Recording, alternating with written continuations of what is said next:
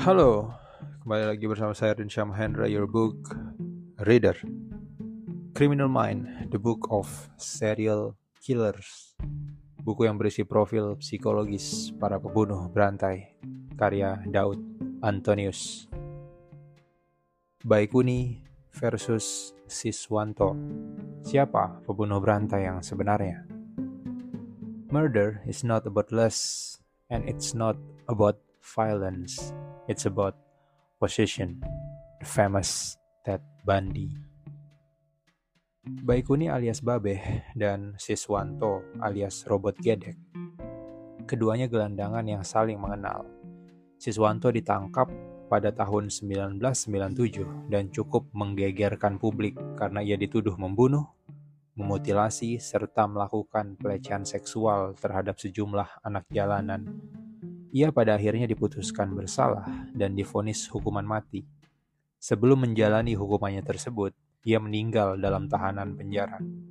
Sekitar 13 tahun setelah kasus Siswanto, Baikuni yang adalah rekannya sendiri dan pernah menjadi saksi yang memberatkan dalam kasus Siswanto ditangkap atas tuduhan yang sama. Ia diduga membunuh, memutilasi, dan melecehkan sejumlah anak jalanan Ber berbagai asumsi dan spekulasi pun muncul karena sejumlah korban memiliki profil yang sama dan meninggal dengan cara dan di lokasi yang serupa juga. Siapakah pembunuh yang sebenarnya? Kasus Siswanto, si robot gedek. Kasus robot gedek adalah salah satu kasus pembunuhan yang sensasional dan diberitakan di publik pada tahun 1997. Robot gedek bernama asli Siswanto alias Ciswanto. Ia lahir pada tahun 1963. Bulan dan tanggalnya tidak diketahui. Robot gedek adalah seorang gelandangan yang digambarkan sebagai pria kurus, pendek, berkaki pincang, dan memiliki kepala yang teleng atau sering menggeleng tanpa sebab. Ini jugalah alasan ia memiliki panggilan robot gedek. Siswanto alias robot gedek ditangkap ketika sedang mengemis di stasiun Tegal. Ia ditangkap berdasarkan keterangan sejumlah saksi yang akhirnya mengarah kepada ciri dan namanya. Ketika ditahan, ia tidak memberikan perlawanan. Pihak kepolisian juga sempat ragu karena secara fisik ia tidak terlihat seperti seorang pembunuh. Namun sejumlah bukti tetap saja mengarah pada pelaku tersebut. Menurut kepolisian, Siswanto sudah melakukan aksinya sejak tahun 1994 hingga 1996. Dalam penyelidikan pihak kepolisian, ia melakukan tindakannya kepada anak berusia 9 hingga 12 tahun. Setidaknya diperkirakan ada 12 korban yang sudah dibunuh. Delapan di antaranya ditemukan dan sisanya tidak diketahui keberadaannya. Dua korbannya bernama Rio dan Wisnu, diketahui dimutilasi, Beberapa bagian tubuhnya ditemukan di Kemayoran, Jakarta. Siswanto mengungkapkan bahwa ia melakukan semua tindakannya tersebut seorang diri. Dalam pembelaannya, Siswanto menyatakan bahwa ia tidak sadar melakukan semua tindakannya itu. Ia bahkan mengungkap bahwa membayangkan para korbannya itu adalah ayam. Dalam beberapa media, ada keterangan juga bahwa Siswanto suka meminum darah korban dan juga menyimpan bagian kulitnya. Meskipun keterangan itu masih diragukan keasliannya. Kebanyakan korban yang diduga dibunuh oleh Siswanto ditemukan dalam keadaan telanjang dan perutnya teriris, dan dua korban termutilasi. Pada 21 Mei 1997, Pengadilan Jakarta menyatakan bahwa Siswanto terbukti bersalah atas semua tuduhan dan difonis hukuman mati. Ia dipenjara di Nusa Kambangan untuk menunggu vonis tersebut. Namun, sebelum hukuman tersebut diterima, ia terkena serangan jantung dan meninggal pada 26 Maret 2007. Kasus Babeh Baikuni Sekitar 13 tahun setelah kematian Siswanto, rekannya sesama orang jalanan, Baikuni, juga ditangkap dalam kasus yang serupa. Baikuni alias Babeh pernah menjadi saksi yang memberatkan dalam kasus Siswanto. Malahan, menurut informasi dari pengacara Siswanto, Babeh adalah tokoh yang disegani oleh Siswanto di jalanan. Ia seperti lebih senior. Dalam sidang pun Siswanto hanya tertunduk dan tidak berani menatap Baikuni ketika ia memberikan keterangan sebagai saksi. Jika dilihat dari latar belakangnya, Baikuni alias Babeh adalah seorang pedagang minuman yang biasanya berjualan di jalan. Ia pada mulanya menjadi gelandangan di Jakarta setelah lari dari kampung halamannya di Magelang. Menurut sejumlah sumber, sejak kecil, Baikuni sering mendapatkan ejekan karena sering tidak naik kelas. Ia juga adalah seorang anak petani miskin yang ingin mengubah nasibnya dengan merantau ke Jakarta.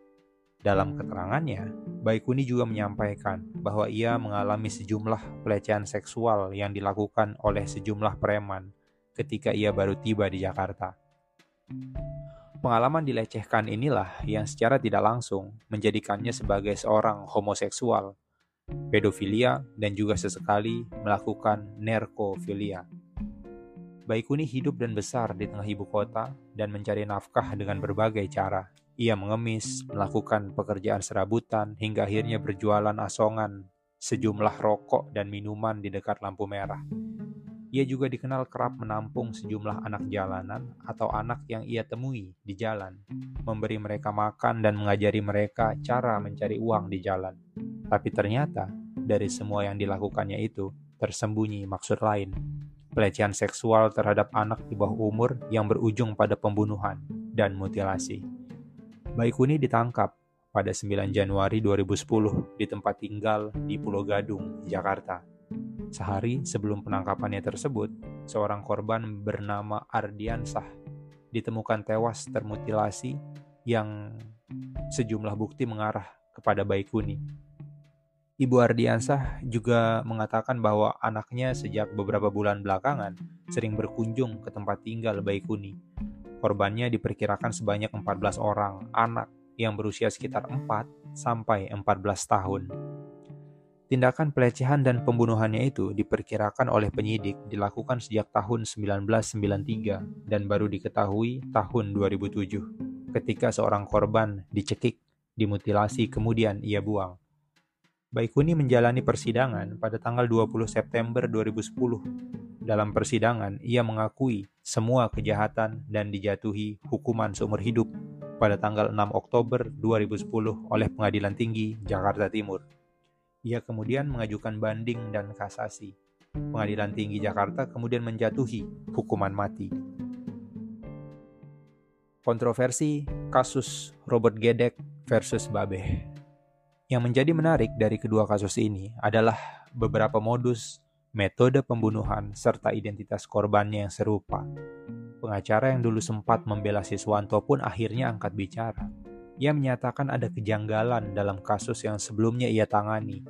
Ini mengingat Baikuni adalah satu-satunya saksi yang menyebabkan Siswanto pada akhirnya dihukum mati. Pada waktu memberikan kesaksian di persidangan, Baikuni juga menggunakan nama samaran. Siswanto diduga oleh pengacaranya adalah tameng untuk menutupi pembunuhan yang sebenarnya, yaitu Baikuni yang bahkan sudah beraksi sejak lama. Mengingat Baikuni adalah senior Siswanto di jalan, jadi bisa diasumsikan bahwa semua korban yang dituduhkan dibunuh oleh Siswanto, pelaku sebenarnya adalah Baikuni. Meskipun hal ini belum bisa dibuktikan secara nyata melalui pengadilan. Sampai saat ini, Siswanto masih menjadi pelaku terkuat dalam sejumlah pembunuhan yang dituduhkan kepadanya. Hal ini dikarenakan terdapat banyak bukti yang mengarah kepadanya, seperti sidik jari, DNA, keterangan saksi, dan hal lainnya yang juga mengaitkan Siswanto dengan korbannya. Asumsi lain adalah mereka, Baikuni dan Siswanto, memang sama-sama pembunuh yang bisa saja bekerja sama dalam melakukan sejumlah aksinya. Sekian, see you on next episode. Bye.